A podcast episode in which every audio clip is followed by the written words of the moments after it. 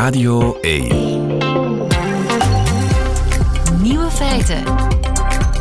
Met Lieven van den Houten. Dag en welkom bij de podcast van Nieuwe Feiten van 30 januari 2024. In het nieuws vandaag dat uh, het English breakfast nooit meer hetzelfde zal zijn. Tenminste, als het van de English Breakfast Society afhangt. Want die wil, en hou u vast, de tomaat vervangen door ananas. Inderdaad, laat het even inzinken, maar er zijn historische redenen. In de 16e en 17e eeuw was ananas duur en exotisch en daarom stond het op het menu van de adel. Zelfs koning Charles II die was verzot op een stukje gegrilde ananas bij zijn ontbijt. En die traditie wil de English Breakfast Society nu in ere herstellen stukje ananas is een verrassend en onverwacht stukje plezier aan de ontbijttafel, zegt de voorzitter ervan. En trouwens, niemand vindt die gegrilde tomaten bij zijn ontbijt eigenlijk lekker, zegt hij nog. Het is trouwens niet de eerste keer dat de Society controverse veroorzaakt. Vorig jaar nog zeiden ze dat hash browns niet thuis horen op een English breakfast. Hash browns, dat zijn van die gebakken aardappelkoekjes. Die zouden Amerikaans zijn en dus niet Brits. Maar goed, gaat de ananas nu na de pizza nu ook het Engelse ontbijt verpesten? Ik ben tegen. Maar goed, dit zijn de andere nieuwe feiten. Vandaag overal in Europa protesteren boeren, maar in elk land is er een andere aanleiding. Heeft Richard III zijn neefjes vermoord om koning te kunnen worden? Shakespeare schrijft het, maar nieuw historisch bewijs spreekt het tegen. Er liggen waarschijnlijk kleine meteorieten op uw dak. En Yuri Kortens heeft pinguïns gevonden op Antarctica. De nieuwe feiten van Aurélie Zeebroek die krijgt u in haar middagjournaal. Veel plezier. Boeren blokkeren onze snelwegen vandaag bij ons, maar ook in Frankrijk. En een paar weken geleden nog kwamen ze massaal op straat in Duitsland. Ook in Oost-Europa, Spanje en Griekenland is er eh, boerenprotest geweest. De aanleiding is meestal verschillend. Niels de Bonne, goedemiddag. Goedemiddag. Niels, jij bent specialist Europees landbouwbeleid aan de Vrije Universiteit in Amsterdam. Ja. In Spanje, Frankrijk, Duitsland en België blokkeren boeren de snelwegen, maar telkens om een andere reden. Ja, het is gek, hè? Um, ene keer gaat het over uh, wateronttrekkingsbeleid en de andere keer over een brandstoftax of over een grensheffing. Um, en ja, er valt bijna geen lijn in te trekken. Ehm, maar het, het, lijkt er vooral op dat de aanleiding minder uitmaakt uh, dan de diepere malaise waarin uh, landbouwers nu zitten. Ja, er is een diepere malaise. Uh, maar in Spanje en Frankrijk bijvoorbeeld gaat het over water onttrekken uit de rivieren, wat men daar wilde verbieden. Boeren zijn kwaad. Duitsland gaat het over ja. een dieseltax die wordt ingevoerd. Boeren zijn kwaad, komen op straat. Elders gaat het over stikstofbeleid. Maar daaronder zit een algemene malaise. Wat is die algemene malaise? Uh, landbouwbeleid in Europa is inconsistent en een beetje richtingloos. Um, dus er is eigenlijk amper visie uh, of doortastendheid in beleid. Um, en heel veel tegenstrijdigheden ook. dus um, ik zeg altijd, landbouwers zijn in principe vrije ondernemers. Dat, dat zijn ze ook echt. Maar ze hebben ook wel eigenlijk twee bazen. Hè. Dus de ene baas die zij hebben is de overheid. Uh, die met subsidies en regels komt. En de andere baas die zij hebben is uh, zo die bedrijvenketen rondom landbouw. Hè. Dus je hebt de supermarkten, de banken, de kunstmestbedrijven enzovoort. En, en die vragen tot voor totaal kort, verschillende dingen. Ja, maar tot voor kort dus niet. Hè. Dus vroeger, uh, sinds Wereldoorlog 2 eigenlijk, uh, wilden die eigenlijk dezelfde dingen. Nee, dus uh, nooit meer honger, dat was toen het, het devies van uh, zowel eigenlijk de overheid en daar rond ook al die bedrijven. efficiëntie, productiviteit, groter worden, schaalvergroting. dus dat, dat was sinds Wereldoorlog 2 het idee. Maar nu, ja, die bedrijven blijven dat wel fijn vinden. Maar um, de overheid is um, ja, een beetje van koers willen veranderen, omdat zij geconfronteerd worden met um, ja, het klimaatbeleid, uh, natuurbeleid. En we zien daar, kijk, dat klimaatbeleid bijvoorbeeld, we gaan onze klimaatdoelen niet halen als er geen drastische ingrepen komen in uh, de landbouw bijvoorbeeld. Ja, dus ze moeten eigenlijk tegelijkertijd duurzaam zijn en ja. goedkoop en efficiënt zijn.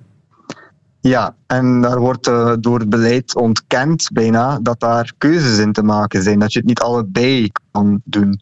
Uh, je, kan veel en boeren zijn best innovatief, maar uh, soms moet je een keuze maken. Um, en nu krijgen eigenlijk boeren het, het, de boodschap van de overheid van kijk, stop, verminder je kunstmestgebruik, verminder je pesticidengebruik, doe wat meer aan natuurbeheer, maar ook blijf efficiënt en als de grens met Oekraïne straks sluit, zorg dat wij geen honger krijgen en blijf dus productief. Um, dus ja, wat, wat is het dan? Wat moeten de boeren dan precies gaan doen? Dat is eigenlijk soms best, best onduidelijk. Dus ze zijn en, uh, totaal verscheurd en, ja, en vaak spagaat, ook... Ja. Spagaat en vaak ook diep in de schulden, hè? Diep in de schulden. En daar komen die banken dan te kijken. Uh, en eigenlijk ook die hele bedrijvenketen. Um, ja, kijk, um, die banken schrijven vaak nog leningen uit die... Um, ja, echt enkel op die efficiëntie en die schaalvergroting gericht zijn. Dus van die, van, dat is eigenlijk, niemand wil werken voor twee bazen, ik ook niet. Um, maar nu is het echt zo geworden dat die ene baas echt zegt van word groter en die andere zegt word duurzamer. En je, je zit daar als boer echt gewoon middenin. En uh, ja. Nou ja, het is heel moeilijk om je daarin te oriënteren. Ja, je zou voor minder met je tractor de snelweg oprijden. Nu, uh, ja. er is dus geen totaalvisie, er is geen totaalpakket. Nee. Wie moet dat gaan en ontwikkelen? Daar zijn wel ideeën voor. Kijk, bepaalde dingen kun je niet mee onderhandelen. Hè. Je kan niet onderhandelen met uh, het klimaatsysteem of met het natuursysteem. We zien dat het uh, voor het klimaat heel dringend aan het worden is. Uh, natuur is ook in, ook in Vlaanderen, maar eigenlijk over heel Europa zien we daar de weerbaarheid van de natuur achteruit gaan. Onder andere door die, dat stikstofprobleem. Dus die, met die dingen kun je amper onderhandelen. Dus dat is de realiteit waarin je je beleid moet gaan maken. Um, zijn er dan oplossingen? Ja, uh, die zijn er wel. Dus bijvoorbeeld biologische landbouw, kringlooplandbouw. Er zijn er al redelijk veel visieteksten geschreven um, daarover. Dus het is niet dat er geen oplossingen zijn. Um, het vraagt wel een grote inspanning van boeren, die vaak al met bestaande infrastructuur, waar ze lang in geïnvesteerd hebben, moeten werken. Dus als je van een boer verwacht om nu snel van koers te wijzigen, dan, dan moet daar, dan moet daar een ja, zekerheid in het beleid zijn. Consistentie, richting. Uh, want dan kunnen die dat echt wel doen hoor. Ja, dus de beleidsmakers moeten mee zijn in één visie die ook gedeeld wordt door de industrie en de financiën, de financiële sector gedeeld, ja. Of het beleid zou uh, wat meer ook moeten hun beleid voeren op die hele waardeketen, op die hele bedrijvenketen, in plaats van enkel op de boer. En waarom vragen wij van boeren om biologische landbouw, uh, om meer biologische landbouw te gaan voorzien en niet van supermarkten om meer biologische producten in hun rekken te laten liggen? Inderdaad, dus, ja dat, dat is toch dat niet allemaal op die boer zijn schouders terecht. Ja, en dat gaat heel ver, want we, we leggen ook bijvoorbeeld kunstmestbedrijven niet aan banden. We willen wel het stikstofprobleem oplossen. We willen wel dat boeren daar uh, allerhande toeren voor uithalen.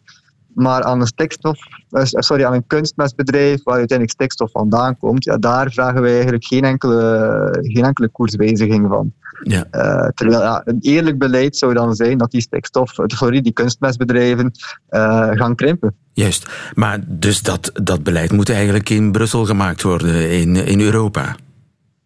Ja, zeker. Europa is daar de hoofdrolspeler, maar Europa is altijd de hoofdrolspeler. Want zij geven gigantisch veel subsidies, dus zij hebben veel sleutels in handen. Ja, inderdaad. Dat is een derde van het Europese eh, budget gaat naar onze landbouwers. En dat is weer dat die politiek van na de Wereldoorlog 2, waarin uh, die subsidies ons ook gewoon voor voedselzekerheid zorgden en voor uh, onafhankelijkheid van de rest van de wereld. Dus ja, dat had wel een reden hoor. Uh, en nu geeft ons dat ook heel veel ja, macht over onze landbouwers. Ehm, maar ja, je moet die macht wel uh, op een nette manier gebruiken, met richting en met consistentie. Want anders worden boeren gewoon de speelbal van beleid en uh, dat wil niemand. Ja, en daarom uh, gaan ze vandaag de straat op in Frankrijk en ook in België. Dank voor deze ja. toelichting bij de diepere Maleise achter dat Europese boerenprotest. Niels de Bonne in Amsterdam, dankjewel. Goedemiddag. Yes, doei.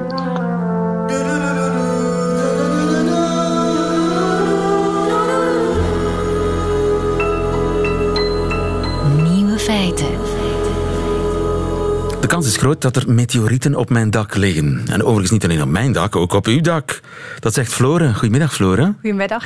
Flore van Maldegem, doctoraatstudent aan de VUB in Brussel. Ja, klopt. En jij bestudeert meteorieten. Ja, um, en niet gewoon de meteorieten zoals dat we die allemaal misschien voor de geest halen, grote stenen um, die op onze aarde landen, maar ik bestudeer micrometeorieten. Micrometeorieten, hele kleine meteorieten. En hoe klein zijn die? Die zijn kleiner dan 2 mm.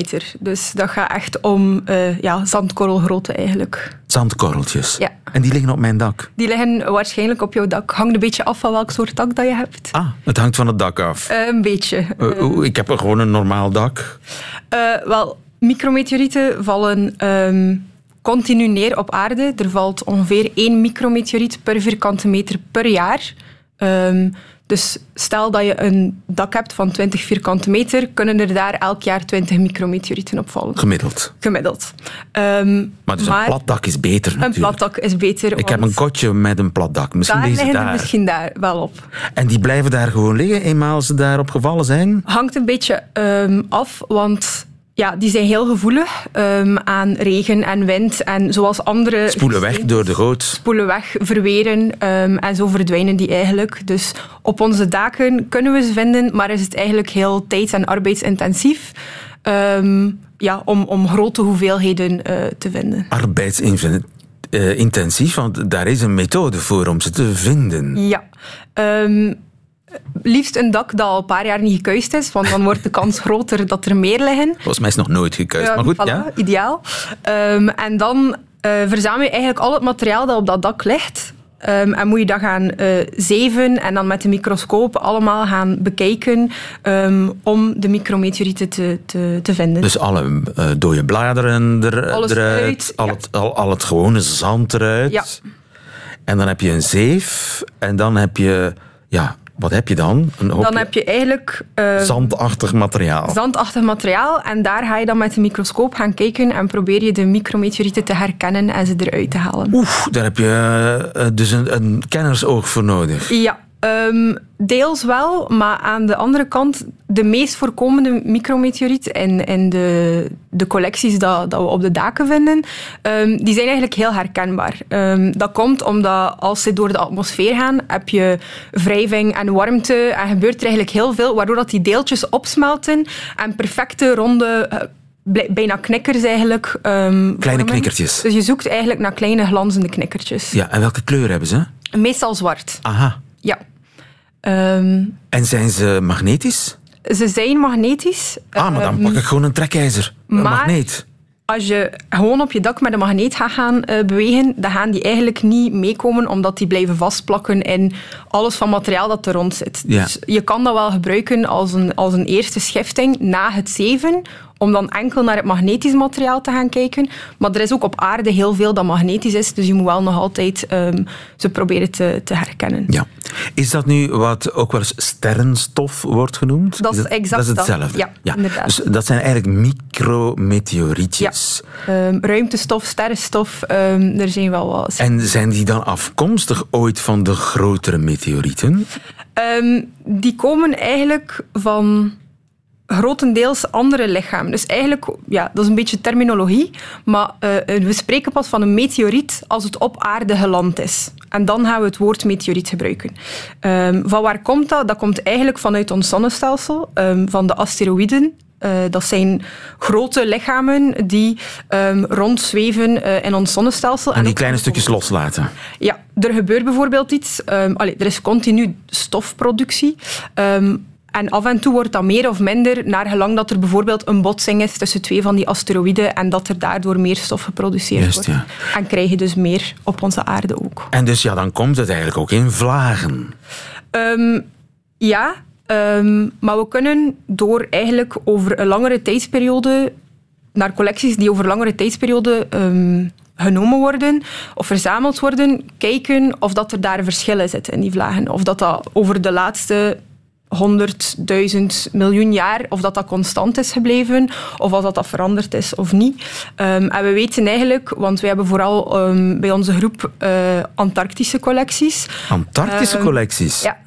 Uh, en die zijn ja, dat, zijn, dat komt van plaatsen waar dat er al 1 tot 4 miljoen jaar gewoon stof neerdwarrelt. En we weten van die collecties dat dat over de laatste 4 miljoen jaar eigenlijk niet echt veranderd is, de vlagen. Dus dat dat eigenlijk al even vrij constant is. Het is eigenlijk een soort constante regen. Ja, inderdaad. En waarom vind je die vooral in Antarctica of op Antarctica? Um, wel, als we even naar de daken terugkeren, om te denken, hey, dat spoelt hier weg, um, er, er, is uh, verwering, uh, er gebeurt hier van alles. En als je dan naar Antarctica gaat, dan heb je een paar voordelen. Um, het is daar koud en droog, dus je gaat daar niet zoveel die verwering hebben. Um, en in dat zijn daar geen mensen? zijn daar geen mensen. Ook zeer belangrijk, want wij... Het is eigenlijk als... één groot plat dak. Ja. En wij als... In het wit dan nog, ideaal afhankelijk van wat je zoekt. Want die micrometeorieten die, die vallen in de sneeuw, maar ga je niet zo goed zien. Voor grote meteorieten is dat ideaal dat dat wit is. Uh, maar voor de micrometeorieten gaan we eigenlijk naar de bergen in Antarctica. Um, zo hoog mogelijk, omdat je daar um, ja, die regen van kosmisch stof hebt. Uh, en er is daar niet veel andere input dan dat. En dat verzamelt dan in putten en ja, barsten in de gesteentes daar. En dan kan je eigenlijk gewoon die barsten leegscheppen, al dat zand meenemen naar het labo uh, en dan... Uh, zoeken naar de micrometer. Ik zou zeggen, ik vraag het aan Juri Kortens, die op Antarctica zit nu. En ik verwacht elk moment een boodschap van hem. Maar ja, ik kan niet, ik kan niet uh, terugpraten met hem. Ja, ik kan alleen boodschappen sturen. Maar goed, dus... volgend jaar weer... Een, allez, we, mijn, mijn, mijn, promotor vertrekt uh, eind dit jaar terug naar Antarctica, normaal gezien, om meer micrometeorieten te gaan verzamelen. Dus we doen af en toe al een... Uh... En, maar wat, doe je daar, wat kun je daar nou van leren, naar die zwarte bolletjes kijken? Ja, um, er zijn verschillende dingen dat we kunnen weten. Um, eerst en vooral zijn we gewoon geïnteresseerd in ons zonnestelsel en wat dat er daar precies in zit en hoe dat die dynamiek werkt. Um, daar weten we nog lang niet alles van. Daar weten we zeker nog niet alles van. En als je het, de full picture wilt, wat je kan zo wel zeggen, ja, we hebben toch die grote meteorieten die misschien gemakkelijker te onderzoeken zijn en te vinden, maar we hebben die kleine micrometeorieten ook nodig omdat die van andere lichamen in ons zonnestelsel komen. Dus we hebben ze eigenlijk alle twee nodig als we het volledige beeld willen. Um, waarom is het nog belangrijk? Um, micrometeorieten hebben waarschijnlijk het leven op aarde gestimuleerd, um, hebben daar een positief effect op gehad. Hoe? Wel, hebt uh, in de oceanen, daar is het leven ontstaan en is het ook zeer snel ontwikkeld op een bepaald moment. En dat is eigenlijk op een moment dat we zien dat er heel veel extra kosmisch stof op aarde is terechtgekomen. En dat kosmisch stof kan dan als een soort van bemesting van de oceanen hebben gediend en heel veel nutriënten voorzien hebben. Waardoor dat het leven eigenlijk de juiste tools had op dat moment om snel te gaan ontwikkelen. Dus, dus zonder die micrometeorieten zaten wij hier niet? Um, misschien of het ging trager gaan hebben. Of, um, allee, ik denk dat we er misschien wel geraakt zouden zijn, maar ze hebben zeker een rol gespeeld ja. um, in de ontwikkeling van het leven. Kan ik ze soms voelen als ze toevallig op mij neerdalen? Uh, nee, dat zal uh, helaas... Allee, het zou misschien gemakkelijker zijn om ze te Zou. Zou dat kunnen? Dat kan dat dat op je hoofd valt. In mijn haar? Je gaat niet voelen. Nee? Nee. Uh, dat heeft niet een voldoende impact om echt... Uh, dat is echt zo'n zandkorreltje dat, echt, dat valt. Ja. Dat is niet... Nee, dat is niet zo destructief of zo uh, ja. ja. impactvol als een, als een... Fascinerend. Ik wens je heel veel succes bij het eh, zoeken en bestuderen van die micrometeorieten. Dankjewel, Floor van Maldegem. Dank wel. I was sure that you'd love me. To that hope I did cling. Cause I'm Richard III. And everybody loves a king. Thought I did a good job, why do you disagree? There's a lot of people spreading nasty rumours about me.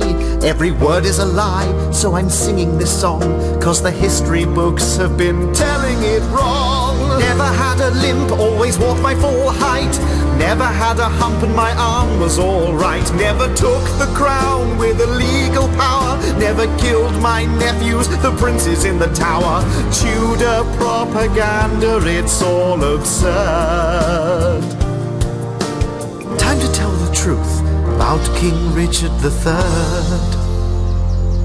I'm a nice guy. Ja, zegt hij zelf.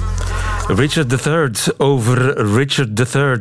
Dat hij uh, een, eigenlijk een, een, toffe kerel was en helemaal niet dat monster uh, dat Shakespeare van hem gemaakt heeft. En vooral dat hij zijn neefjes niet vermoord heeft. Goedemiddag, lieve Buijsen. Goedemiddag. Professor Engelse taalkunde. Heeft hij gelijk? Wie zal het zeggen? Aha, wie zal het zeggen? Ik dacht dat het nu eindelijk duidelijk was. Nee hoor. Het is al een mysterie van ehm, ja, toen ze werden opgesloten in de Tower of London, wat er precies met hen gebeurd is. En er zijn allerlei theorieën. Er zijn nu wel heel interessante elementen bijgekomen bij een van die theorieën, maar ja, het blijven theorieën, vrees ik. Het blijven theorieën. Nochtans uh, werd met luide verkondigd dat na 500 jaar eindelijk het mysterie van die vermoorde prinsjes was opgelost uh, in Engeland. Het is een van de sleutelmomenten in de Engelse geschiedenis. We zitten in de 15e eeuw. En die, uh, die jongetjes, die zoontjes van de overleden koning, die zijn, hoe oud zijn ze? 9 en 12 ongeveer. Die zijn te jong om te regeren en die zouden verdwenen zijn. Aangenomen werd altijd vermoord in opdracht van Richard III, die op die manier koning kon worden. Maar nu zijn er elementen die dat tegenspreken. Wat zijn die elementen? Wat is er eigenlijk recent aan het licht gekomen? Ja, het is een, een heel interessant experiment. Het is um, eigenlijk een, een amateur-historica, zou je kunnen zeggen, een schrijfster, die um, de, de huidige technieken van cold case onderzoek probeert toe te passen op historisch onderzoek. Ze had dat eerder alles gedaan, ook met um, Richard III en, en zijn... Um, met succes. Zijn, zijn overblijfselen. Ze heeft die inderdaad teruggevonden onder een parking, onder een parkeergarage uh, in Engeland. En die zijn dan herbegraven. En dat was eigenlijk um, de aanleiding om ook verder te gaan kijken naar ja, die verdwenen prinsen of die vermoorde prinsen. Wat was het nu verdwenen of vermoord? En zij is ook aan crowdsourcing gaan doen. Heeft heel veel andere uh, historici, criminologen en zo verder mee aan boord gekregen om te zoeken. En die hebben wel wat materieel bewijs gevonden. En dat is op zich wel interessant. In Nederland, dacht ik. Onder andere in Nederland, maar ook in Frankrijk, ook in Oostenrijk, op heel veel verschillende plaatsen. Um, wat op zich ook al interessant is, het is niet één vindplaats, je hebt verschillende vindplaatsen die um, enigszins steun geven aan de theorie dat die kinderen ontsnapt zouden zijn uit, of ja, geholpen ontsnapt zouden zijn uit uh, de Tower of London. Uh, en dan vooral naar het continent zouden gekomen zijn en dan elk een eigen weg gegaan zijn, maar dan ook wel elk uh, initiatieven genomen zouden hebben om die troon te heroveren, los van elkaar. En daarvoor zijn allerlei geschreven bronnen gevonden. Inderdaad. Dus wat, wat men onder andere vindt, is bijvoorbeeld voor, voor één van de twee, voor de oudste, die eigenlijk de, de grootste, die de troonopvolger was, die, die eigenlijk de geproclameerde koning was, um, daar is relatief weinig van teruggevonden. Er is een, een betalingsbewijsje uh, voor een, een wapenlevering, een significante wapenlevering, die zou gebeurd zijn in Frankrijk. Uh, en daar staat bij dat dat bedoeld was voor de zoon van Edward IV de zoon die was moeten vluchten of die verbannen was uit Engeland. Ja, dat kan toch maar moeilijk anders dan een van die twee zijn geweest? Dat zou inderdaad het geval kunnen zijn. Oké, okay. maar er is nog, nog uh, bewijs? Er is nog bewijs en dat gaat dan eerder over de andere zoon, de jongere zoon, Richard. Uh, ook een Richard. Um, Namelijk, daar zijn eigenlijk drie elementen. Eén is er een chroniek, een soort van chroniek die in Nederland inderdaad gevonden is in eh, de Gelderlandse archieven. En die chroniek die beschrijft wat er zou gebeurd zijn met de twee uh, kinderen en dan vooral met Richard nadat hij is opgesloten in uh, de Tower. Allerlei omzwervingen die hem naar Frankrijk, naar Portugal brengen, naar allerlei um, andere gebieden. Um, en die, die omschrijven hoe hij inderdaad geprobeerd zou hebben om uh, de troon opnieuw te veroveren. Een tweede element, nu dat is een chroniek natuurlijk, dat is een geschiedenis. In welke mate is dat waarheidsgetrouw? Wie heeft die precies geschreven? Dat weten we niet heel goed. Mm -hmm. Maar dan hebben we nog twee uh, bewijzen. Eén um, is een um, brief van Maximiliaan van Oostenrijk, die um, eigenlijk er veel aan gelegen was om ook wel um, voor een machtswissel te zorgen in Engeland en, en een van die twee uh, kinderen weer um, op de troon te helpen. Um, daarvoor vond hij ook steun bij James IV van Schotland, bijvoorbeeld ook bij de Franse koning. En blijkbaar had de Franse koning um, die Richard ontmoet en hem ook omschreven, beschreven. En Maximiliaan leidde uit een aantal van die kenmerken af, ja, dit kan niet anders dan die Richard Just. zijn. En dan een derde element, um, dat is eigenlijk een soort van belofte dat Richard een vergoeding zou geven aan de toenmalige hertog van Saxen als die hem zou steunen. En daar staat de vermeende handtekening op van Richard en ook een soort van koninklijk zegel.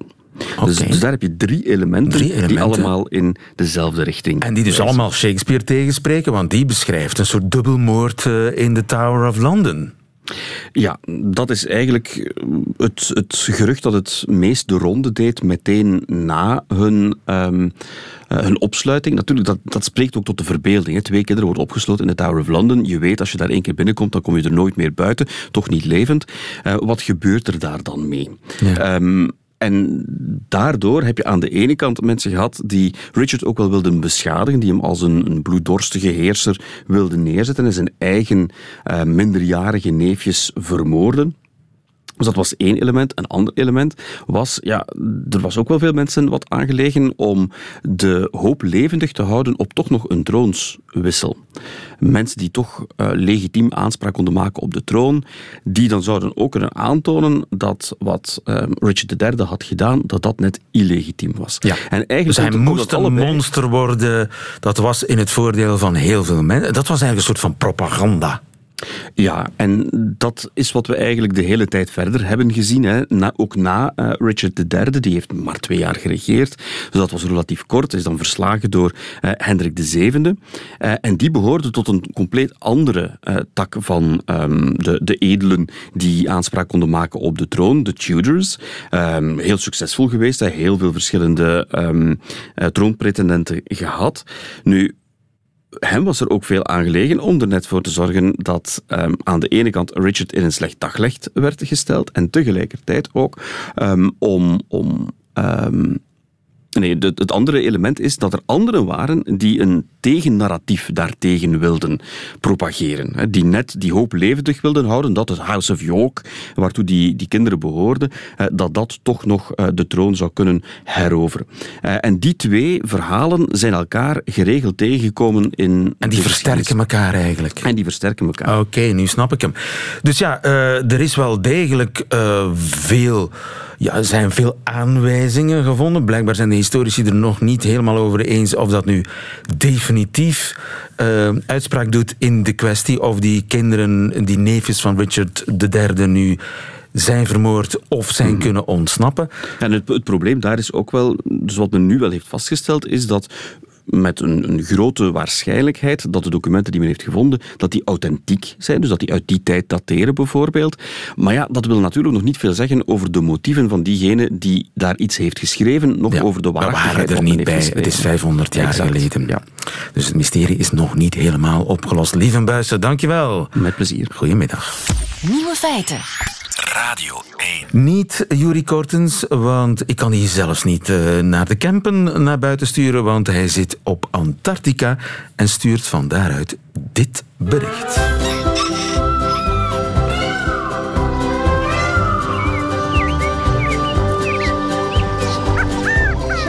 Juri Buiten.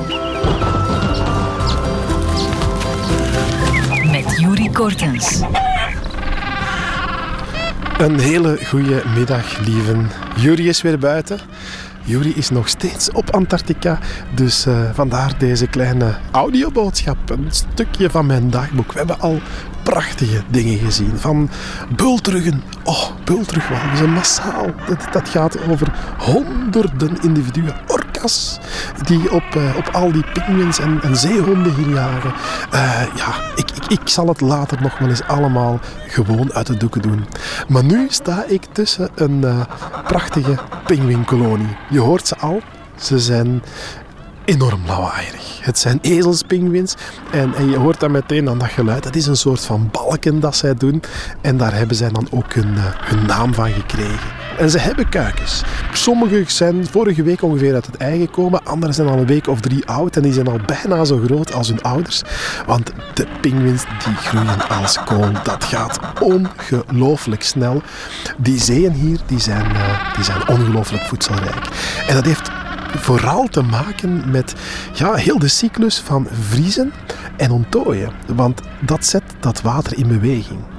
Wanneer bijvoorbeeld het water bevriest, dan gaat het zout zich uitscheiden. Dat zakt naar beneden in de oceaan, want het is zwaarder dan dat andere water. Dat duwt naar beneden en dan worden die onderste lagen van de oceaan die worden opgewarreld naar boven. Dus die komen van boven in de bovenste lagen terecht en daar zit dus voedsel in.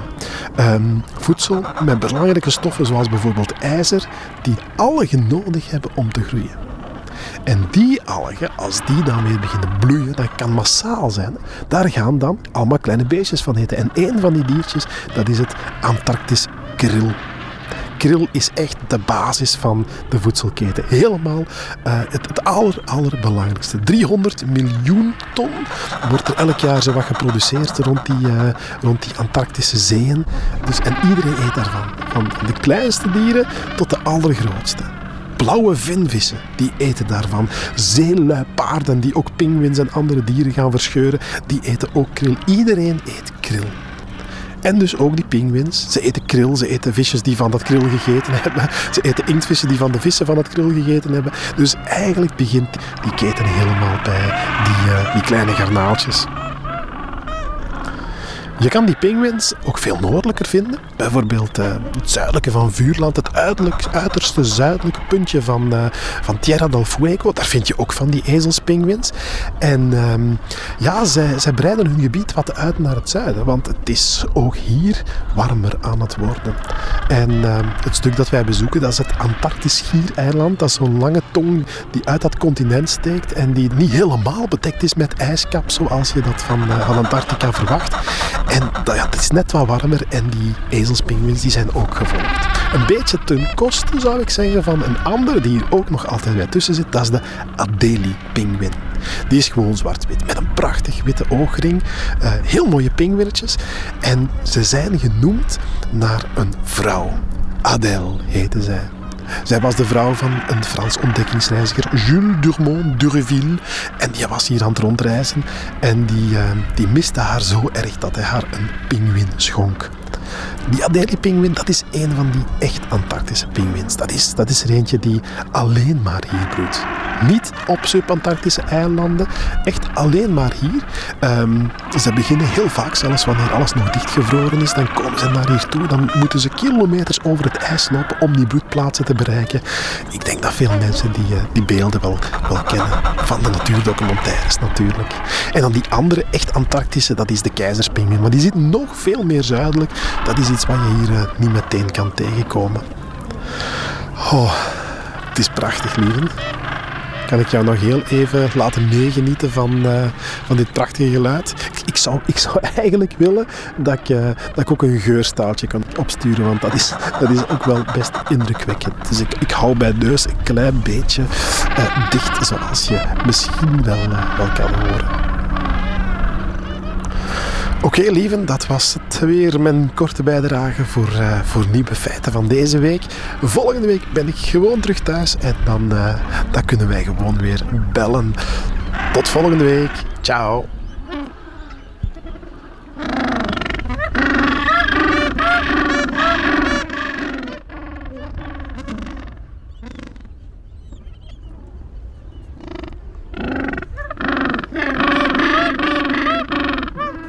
Waren ze weer, de nieuwe feiten van vandaag, 30 januari 2024. Alleen nog die van comedienne Aurélie Zeebroek. Die krijgt u nu in haar middagjournaal. Nieuwe feiten. Middagjournaal.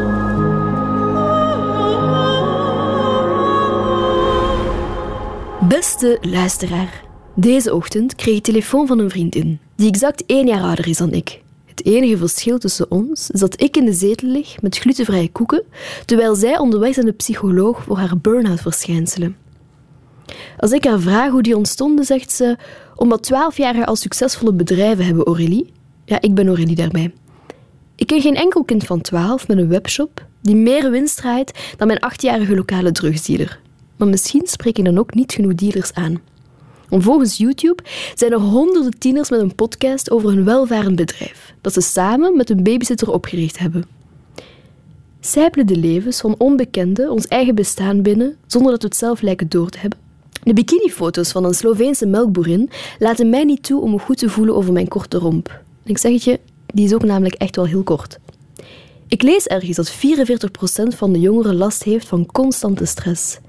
En dat in een tijd waar je AI kunt inschakelen om je eigen moeder op te bellen voor kerst. Het is blijkbaar onmogelijk geworden om in deze tijden je innerlijke rust te conserveren. Het internet is een kus en eigen nat geworden, die haar sporen nalaat op ons mentaal welzijn.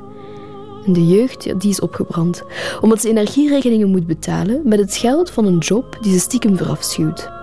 Op mijn dertigste ga ik met vervroegd pensioen, om het geklaag van mijn uitgebrande leeftijdsgenoten te ontwijken. Mijn neef is 68 en die werkt nog steeds fulltime. Hij ziet er dan ook verward en slecht uit. Moest ik zijn uiterlijk hebben, waar ik ook een workaholic geworden. Ik heb dan ook geen ambitie om in een grootstad op straat te sterven door uitputting, terwijl ik huur betaal om in een kastlade te wonen. Mijn neef past dan ook niet in een kastlade. Hij is het soort mens dat wegens buikomtrek alleenwonende is.